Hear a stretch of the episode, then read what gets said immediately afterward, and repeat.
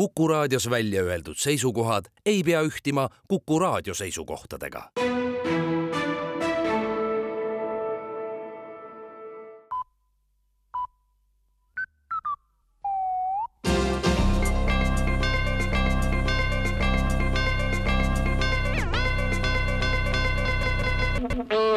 tere kuulama, uudised on eetris ja stuudios Rohke Develak haridusministeerium on välja töötamas koolibusside süsteemi, mis annab hariduskorralduses oma kuluefektiivsuse mõttes silmad ette kõikidele sellealastele lahendustele maailmas. maakoolide õpilased peavad niigi üha enam aega veetma bussis, kui koolimajad maha müüa, saab osta mugavad bussid, mis on kohaldatud klassiruumiks ja lapsed saavad bussis õppida. Need oleksid liikuvad koolimajad, mis sõidavad maapiirkondades ringi ja läbivad ka selliseid kohti, kus ei ole koolimaja olnud juba pool sajandit või kauemgi koolibusside marsruut pannakse kokku selliselt, et iga viimanegi Eestimaa nurgake sõidetakse läbi ja nii on kool korra päevas igas väiksemaski maakohas. koolipäeva lõpus toob koolimaja lapse taas oma koduukse ette.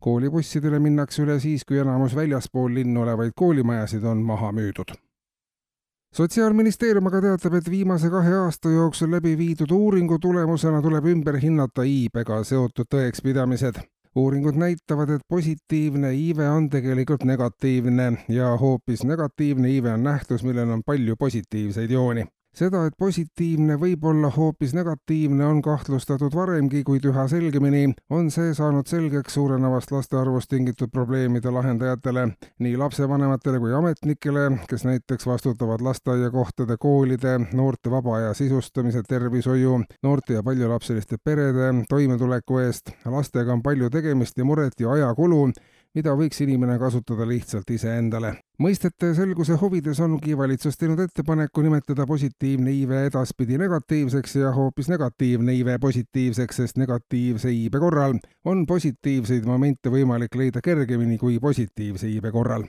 Eesti iive peaks koordineeritud pingutuste tulemusena jääma edaspidigi negatiivseks, mis peaks olema positiivne uudis paljudele, märgitakse eriteates maanteeamet aga hoiatab kõiki autojuhte, sest alanud on hilissügisene poliitikute jooksuaeg ja ühest erakonnast teise jooksvad poliitikud võivad teele ilmuda väga ootamatult. kuna helkureid jagatakse ainult enne valimisi, mitte praegu, siis on olukord eriti ohtlik ühest erakonnast teise jooksval poliitikul möllavad hormoonid, ta on väga kiire ootamatute otsustega, mis üllatavad isegi tema liigikaaslasi, rääkimata tavakodanikest. sel aastal on oodata, et jooksuaeg kestab ka pikemalt ja sügisene. jooksuaeg läheb sujuvalt ilma vahet üle kevadiseks jooksuajaks ja alles suve hakul saabub rahulikum periood, kus poliitikuid ei ole pikemat aega kusagil märgata ja mitmesugust. tänasest ilmub valitsuse poolt välja antav ajaleht Näguripäev mis avaldab homme selle aasta vaeste top viiesaja, kus võrreldes eelmise aastaga on vaeseid rohkem kokku seitsesada kolmkümmend kaheksa.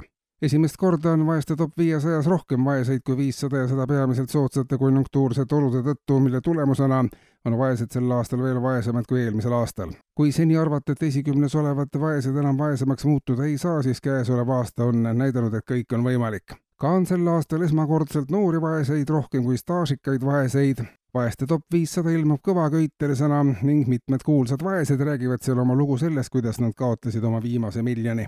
vaeste top viiesaja koostamine on valitsuse poolne abistav samm, et inimesed, kellel muidu hästi läinud ei ole, saaksid tundma, et nad siiski omal alal kuuluvad absoluutsesse tippu. ajaleht Näguripäev läheb pärast vaeste topi avaldamist ise ka pankrotti ja seetõttu on järgmises vaeste top viiesajas taas uusi liikmeid. kuulsite uudiseid